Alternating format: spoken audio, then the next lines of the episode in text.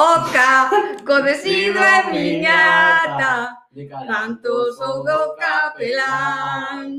Eh, tiña que ver, eh, tiña que estar, algún neno doca para turuchar. Ole, ole. Ah, ¿Acabó? Sí, ya ah, acabamos. La canción era pequeña, pero bueno, bonita, ¿eh? Bonita. O sea, no quedan canciones como de penas. bueno, presento a su invitado. Bueno, pois eh, hoxe ven falar con nós, vamos falar de cousas de señores e das mm. marquesinas. Que ao mellor a xente non sabe que son as marquesinas, pero claro. ven Pedro falar. A xente da Coruña explicado que son as marquesinas porque non saben. Para, paradas, as paradas. Son sí, como, as paradas para, de buses. Sí, como paradas de buses, pero de latón. Claro, de latón. Efectivamente, pero eso foi evolucionando hasta tal punto que agora son de cristal. Porque, claro, había moitos veciños que tiñan conflictos, entonces estaba generosa e viña pura pa mercasina e pura se levaba máis con generosa, viña hasta o medio, puñía as gafas, miraba que estaba generosa e marchaba. E eso foi, foi unha evolución moi grande. As mercasinas tamén nacen ligadas a que antes por aquí non viña o bus, pola aldea o bus non viña porque os camiños non estaban asfaltados. Entón, tampouco había mercasinas. Hasta que asfaltaron os camiños e o, o ánimos pudo transitar por aquí, pois non había mercasinas. E bueno, As marcasinas teñen tres funcións.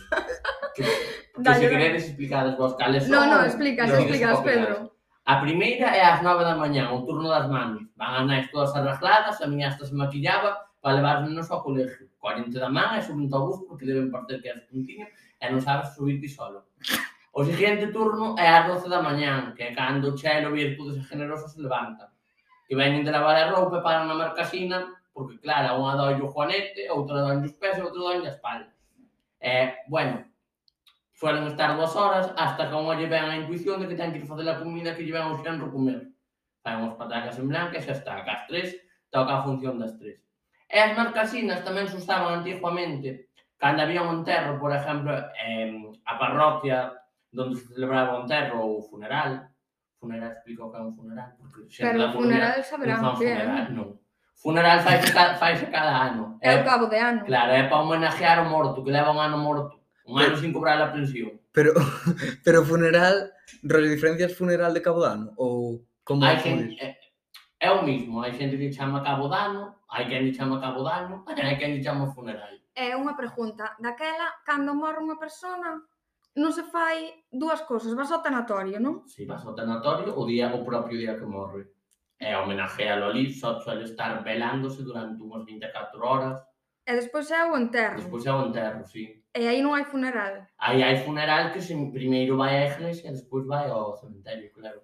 E o funeral é na iglesia, o despois o, o enterro. Claro, despois é o enterro no cementerio. Vale. Pero o que quería dicir con isto é que cando había un enterro, un funeral, eh, lonxe da parroquia, o que facía a familia para que os veciños foran, puñer o ónibus, e o ónibus iba facendo paradas e iba recollendo a xente, así que a marcasina, para que non o sepa, ten mínimo tres funcións sociales. E agora podemos incluir unha cuarta, porque se des por aquí por un lugar que se chama Miñata, as marcasinas tamén se usaban para facer grafitis, en plan, te quero Nico, te quero Ainhoa, BIA, E claro, as vellas descifraban quen será, será o de Virtudes, será o de Brandón, quen será, quen será a BIA? sabes? Entonces, iso hasta que sabía quen era BIA ou os pillaban no palleiro ou no maizal, non descansaban. e eh, as vellas que lle parecían os grafitis na súa marquesina? Parecía unha falta de respeto, non lle parecía arte ninguna, é como se ti a tua casa che van pintar a parede, xe é unha falta de respeto, a ti que che parecería que vinieran pintar a parede. A parte que era un patrimonio non é como a marquesina, joder, era como a súa segunda casa. Ali iban, leva, levaban as chulas, porque entendo, antiguamente levaban chulas, orellas, no carnaval, era donde estaban, a marcasina usábase casi 20, 24 horas, porque a noite iba a xente Lugar de botellón, claro, punto de encuentro. lugar de botellón, claro. As marquesinas, eh, a nivel miñata eran sitio de botellón? Bueno, a nivel pueblo. Ti non nombres que despois acabamos enemigos. A nivel pueblo eran, sí, de todo, de todo. Era marcasina usábase para todo. Era, Había máis concurrencia na marcasina con ultramarinos daqui ao lado. Hostia. Que no noso caso é o Carrefour. O Carrefour, exactamente. que nos poñemos ali fora esperando a, a ver quen pasaba e se levaba o carro moi xeo levaba un vacío. E ir a Belros comer gominolas e, e ver os, os kinkis do, que estaban co, cos coches tuneados. Exacto. Neso se basou a nosa adolescencia. Bueno, bueno. Ligada sempre a Marcasino, cuidaba, eh, que era onde quedábamos para ir. Eh, ti viches a foto esta duns vellos que están como nunha mesa dentro dunha marquesina xantando todos? Pois non, a verdade é que non a vin, pero non me extrañaría, porque claro, as marquesinas xa foi pedir xente ao ayuntamento, que tiñan que estar cerradas. Claro, foi pedir xente ao ayuntamento foi que cerrasen. Foi pedir xente ao ayuntamento que a cerrasen, porque ti imagínate, Aquí hai moitas señoras que non queren poñer pantalón, entón van das a marcasina, métese o frío polas pernas, e jolín, sabes, en plan de inverno, é punto de encuentro, teñen que ir ca manta, e algunha quer levar o calefactor, a ver se ponen un enchufe, porque claro, levan ali un calefactor e cantan. Vale, entón refiriste a pechar as marquesinas como facelos un sitio pechado, Claro, ¿no? sí, por, por onde non entro aire, ou entre menos aire, porque claro, as marquesinas a parte frontal está aberta. Hostia, pues pensaba que te referías como a clausuralas. No, pero... no, no, de, de, cerralas non, de cerralas non, porque é un plan, as marcasinos cumplen unha función social, como as van cerrar. Pero agora non vexo que cumplan unha función social. Agora non cumplen unha función social, vou te dicir o porqué que fixen unha tesis doutoral neso. Agora a xente da aldea non quere ser cotilla. Non quere, quere ser... Quere sacar, sacar iso, non, non, non quere que chamen cotilla, porque antiguamente viña alguén a aldea eh, no coche viña cos cristales tintados, é claro que, que, que será, que levará, pero ahora todo o mundo ten os cristales tintados. A xente non quer, quer, quer, quer se despegar deso, en plan, os da aldea non, son, non somos cotillas. Mentira cochina, Pedro. Pois, entonces, dame ti a explicación de por que a xente xa non usa as marcasinas. Porque non pasan autobuses. Autobuses pasan porque pa escola veñen buscar aos nenos. Ven buscar a... pero os nenos van buscar a general bueno, vamos claro, xa non hai nenos. Pero fan, fan paradas tamén, algún non hai, hai, obviamente hai menos que antes, pero vellos siga vendo. Bueno, xente da terceira edad siga vendo. Eh, aunque haxa vellos, os vellos xa non tan moito para andar, eh? Bueno, non dan para andar, Lucía, pero pois para ir para a marcasina tan. Eso é verdade. Poder a mar... Ai, date cuenta que hai marcasina ao mellor cada... Ahora non porque quitaron moitas, pero antes había marcasinas cada 200... A ver, no, cada... E o bus iba facendo paradas cada 500 metros. Sabes, había marcasinas porque ti non te levabas ben cos teus veciños e vas por marca... Andabas medio quilómetro e ibas para outra marcasina. Pero entón agora a fun... estás me dicindo que a función social das marcasinas xa non existe, rollo, eso era algo máis dos 90 ou dos 2000.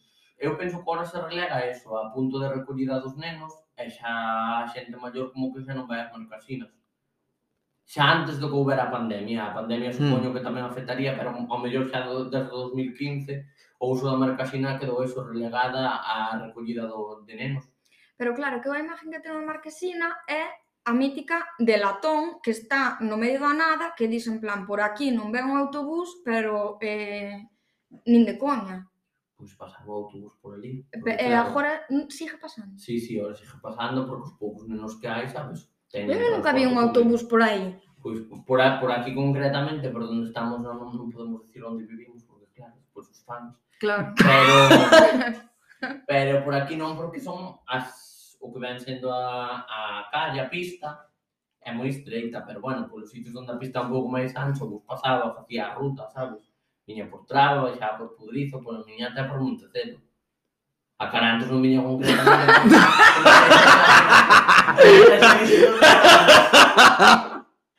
bueno, é para cortar, non? No. É como o vídeo de estudiante. bueno, pega. Bueno, pues a Carantos non viñades. Porque... que non hai nada que ver. Ademais, non está o camiño asfaltado. Está, está asfaltado.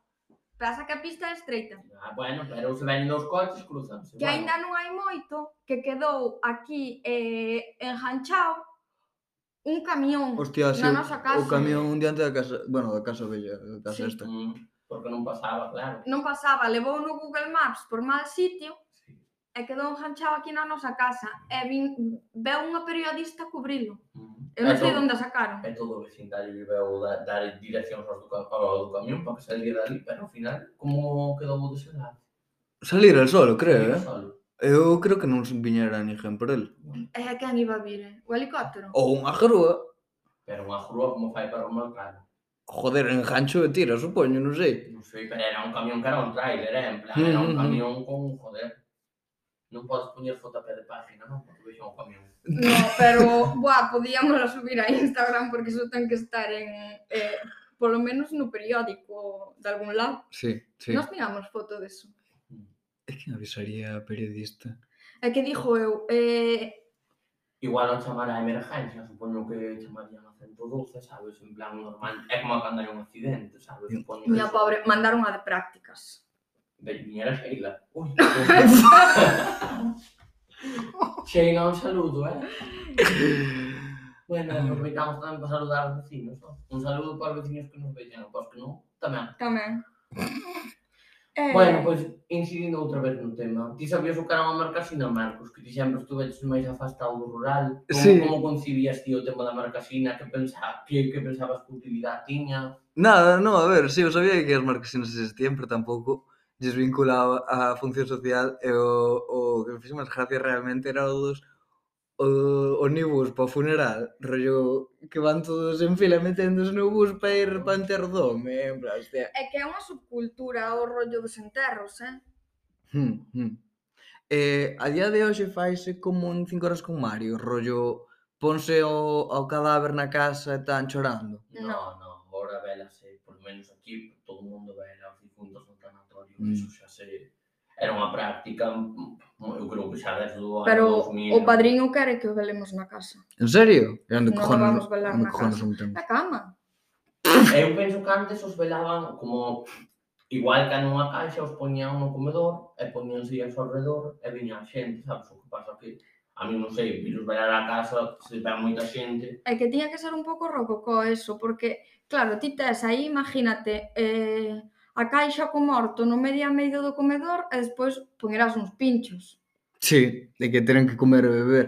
Eh, o acordo do mítico de que están as mulleres onda morto e os homens están na cociña facendo chistes. Non sei por que, non sei por que facían chistes xusto no día do enterro, pero había chistes. Fumando os seus puros e, e picando un poquito de chorizo. Sí, sí. pois pues a mí tamén o que me parece curioso son as campanas da iglesia, que ahora Aquí, en Oca, son automáticas. Sí, electrificáronas. Sí. Que agora a xente non difiere cando hai morto ou cando toca pa misa. Eso lévano moi mal.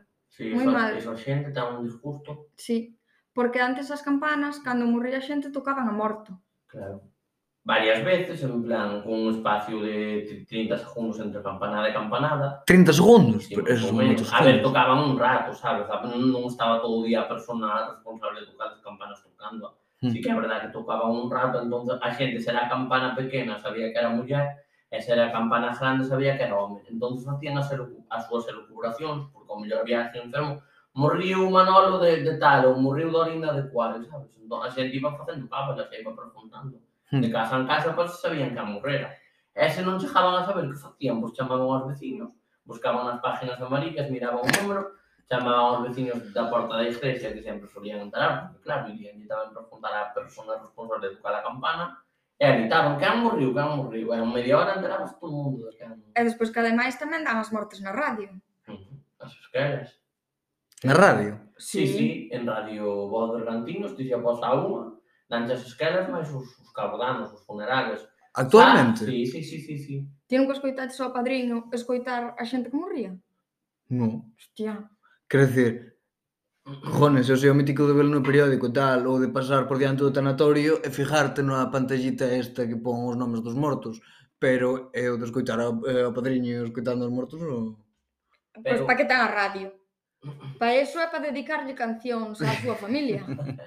Pero fijadevos en as cousas que ti ora entras na página web do tanatorio, por exemplo, vas a tanatorio, pompas un número San Antonio, e podes ver que non que morriu, sabes, vai poñendo as escalas do día hum. En, en, todos os tanatorios. Entón, a xente, claro, agora trouxeron a fibra óptica por eso. En plan, agora hai fibra, temos fibra por aquí por eso.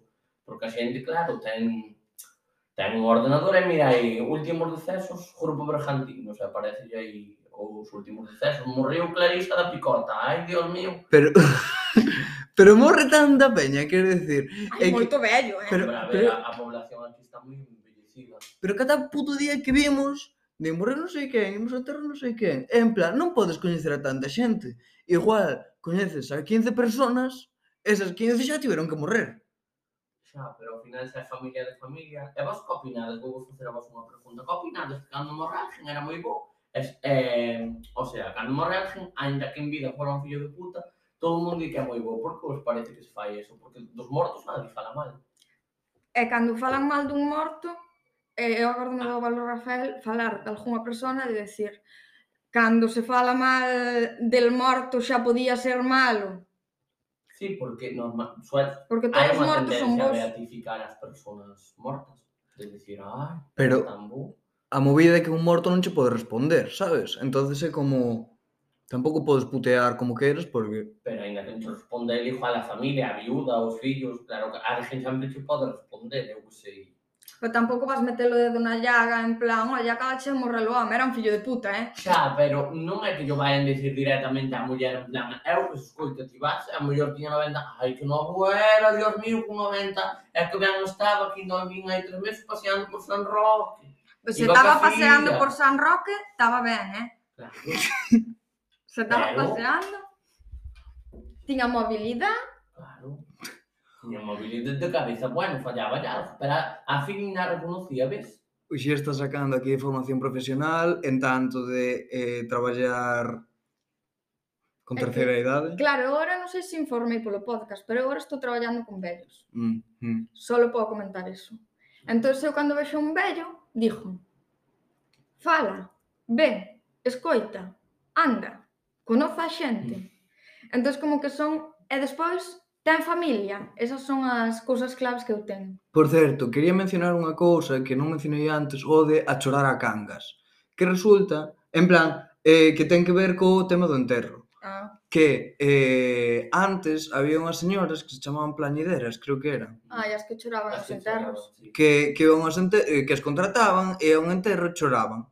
E, e era un negocio moi popular en Cangas. Entonces en, en Cangas había mulleres que se pagaban iban aos enterros e choraban. Entonces hai unha expresión que é a chorar a Cangas porque en, eh, supose que en Cangas chorase moito polos mortos debido a, a esa movida. O sea, tiñan un monopolio das que? das plañideras sí, sí.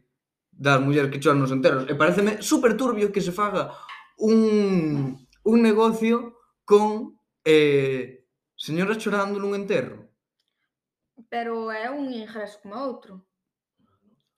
Mm. Eso, claro, eh, ojo co, co empoderamento femenino, que é traballo fora da casa, eh? Sí, sí. E ao mellor son unha empresa.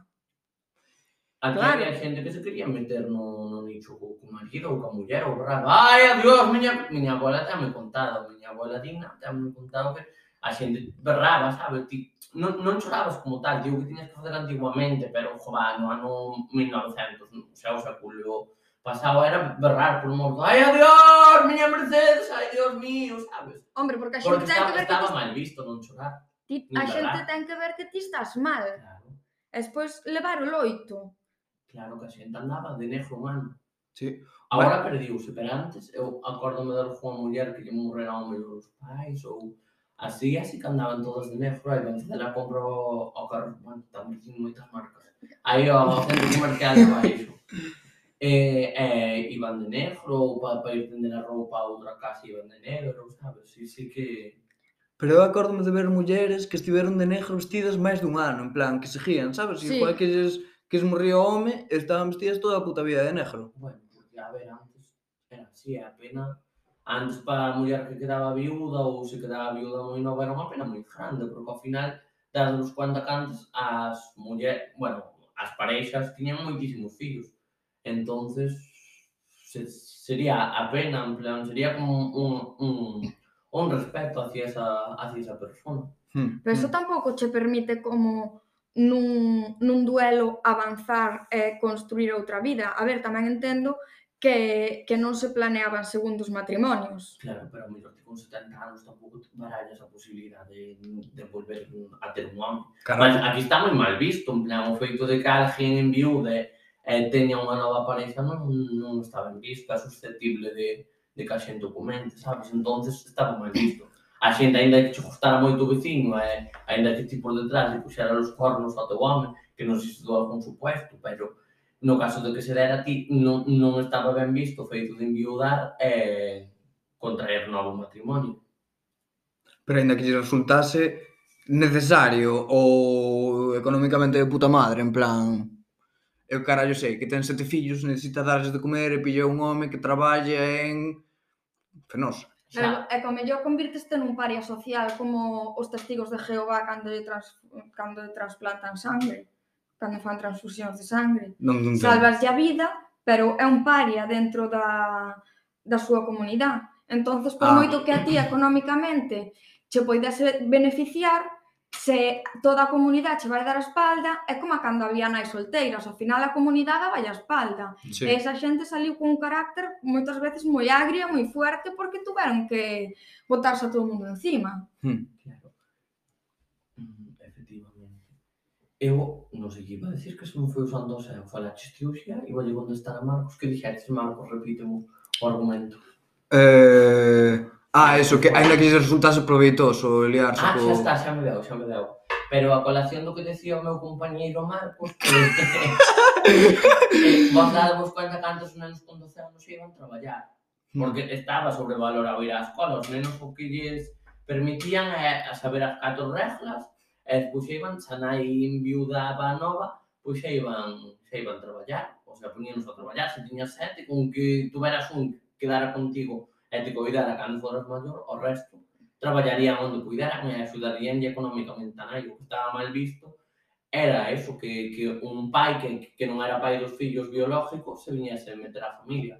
E a colación do que dixo a compañeira Uxía do, do das nais solteiras, quería decir que tamén estaba moi mal visto, casi ninguna podía refacer a súa vida, unha polo rechazo que eso generaba, e porque os pais tampouco, o sea, normal, ti se tiñas un fillo, eh, os, os, o sea, os pais, imaginadvos unha señora que mm, queda embarazada, os pais tampouco tamén te solían poñer trabas, sabes? No caso de que o home non se quixera responsabilizar, dicindo que te tiñas que ti que responsabilizar e polo feito de ter un fillo, pois xa non podías, barra, deberías eh, ter un, unha nova pareja, simplemente te deberías criar eh, quedar ca crianza do, do fillo, cuidado. E que ademais despois, eh, aunque ti quixas ter unha nova parella, pa esa outra persona non está ben visto que estea contigo. Claro. Porque nadie se ten que responsabilizar dos fillos do mundo. Esa claro. idea que imperaba. En aquí. plan, como, como ainda por encima te vas responsabilizar dos fillos do outro home, sabes? É como ese, ese machismo imperante. Sí. Ese é machismo del franquismo. Pasou un caso de que houve un pai que non era pai biológico que reconociu a, a unha filla como filla propia sin selo e a súa familia ou da espalda. A día de hoxe non se fala. Pero recoñeciu a unha filla que era filla dun amante ou... Era filla dunha muller que, que conoció a posteriori. Ah, entonces sí. esa, esa muller viña con, con unha mochila que era a filla. Ese home, a pesar de non ser pai desa filla, reconocimento por filla, entón a súa familia o dos pais enfadouse, non, non lle pareciu ben, porque de, de cara á galería ti non, non, é, non é bonito, sabes? Non é bonito non é que sea bonito, pero o pensamento imperante é que non queda ben de cara á galería manter ou que esa filla poida heredar parte do patrimonio. Claro, é que o rollo é ese, o rollo é herdar as, as herdanzas tamén son como mazo de chungas. Eu quería mencionar porque eh, nun programa de, de quen era? Das de Pueda Hablar, que saliu Rodrigo Cuevas, mm.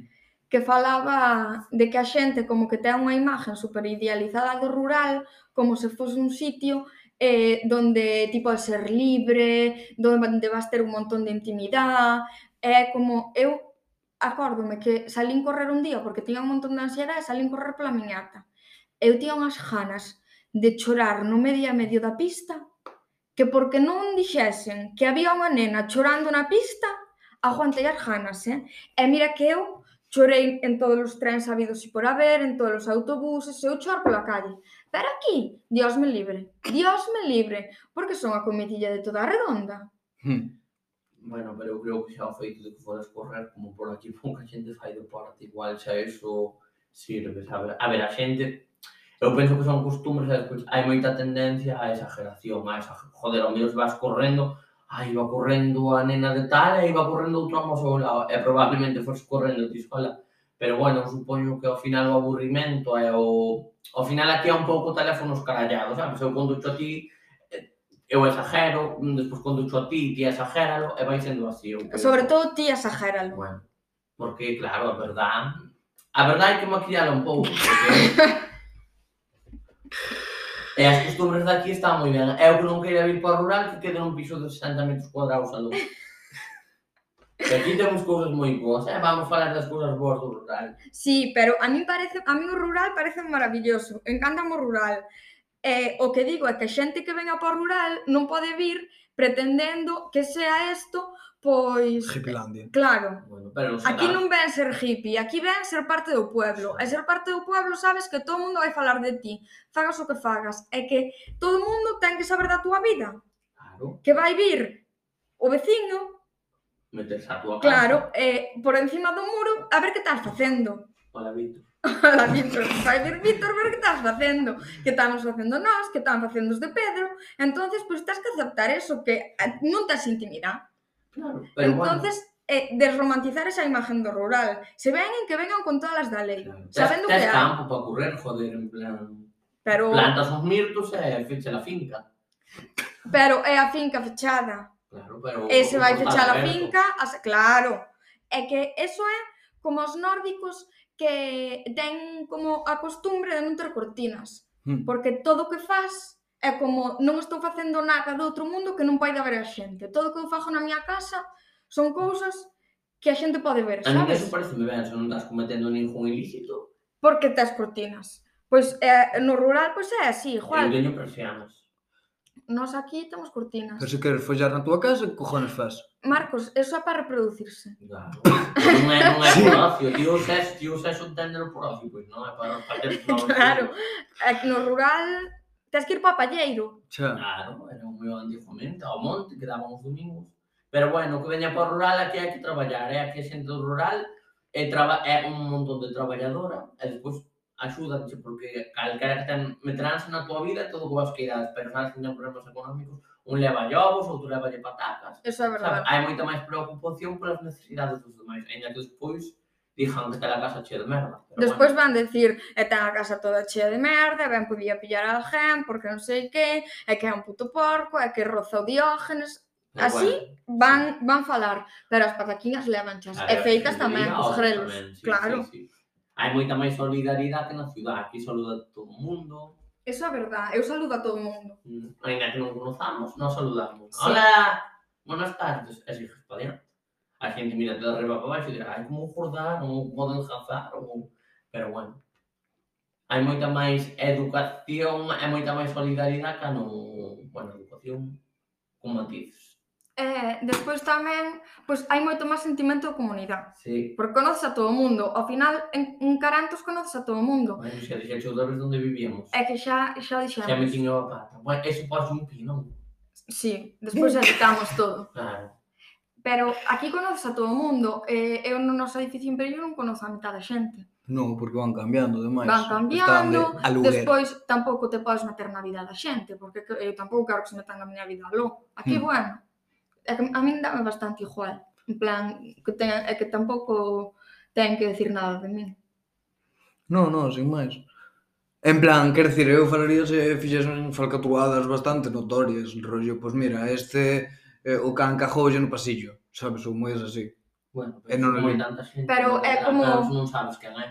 Ou pos unha cámara... Pois veu o can de fulanito, o can de fulanito matoulle eh, o gato a non sei quen, ou comiulle o gato. Hmm. Esas cousas, pois, pues, hombre, eu entendo que poden dar conflictos entre familias. Hmm. Pero bueno, non... Depende do que lle queiran ao gato. Depende do que lle queiran ao gato. E os animales son máis ben bastar atados. Sí, os gatos non, os gatos non. Os, os gatos están en libertad, pero os canos... Porque, pensé, en plan, a, uh, o de aquí non hai quen viva. Esa vida de comunidade que se dá nese edificio non é real. No. Pero é unha ficción, a ver. Non, quero dicir, sí, son consciente, pero é como que intenta retratar algo, pero non, non retrata algo real. Realmente eso non se dá, eso debería ser nunha aldea, nun pueblo, e de forma máis distendida. Jolín, eu penso como mellor nun edificio onde hai tres pisos e hai A e B solo, sabe? Pero igual nun piso, San carballo, onde chegan hasta a letra F os inmuebles que hai, obviamente non, non, non te vas a levar ben, tío, vou que ves os teus veciños era na, na xunta de veciños. Hmm. Xerais Claro, xa hai xunta de vecinos, Bueno, xa quédanos- Isto dura 30 minutos, quedanos 30 segundos. Bueno, pois despedímolo, despedida, veña. Pois, Moitas grazas a todos. por nada, ala, eh, acabamos aquí o programa doxe. A ver se vos gustou. Non me critiquedes, eh? Temos aquí o Senón non... non volvo. Pedro, estás acostumbrado aquí hai que largar, eh? O Ti estás acostumbrado a que a xente raje. Claro. Entonces, Bueno, en que tal quedou? espera, o que paro de gravar, eh? Ah, vale.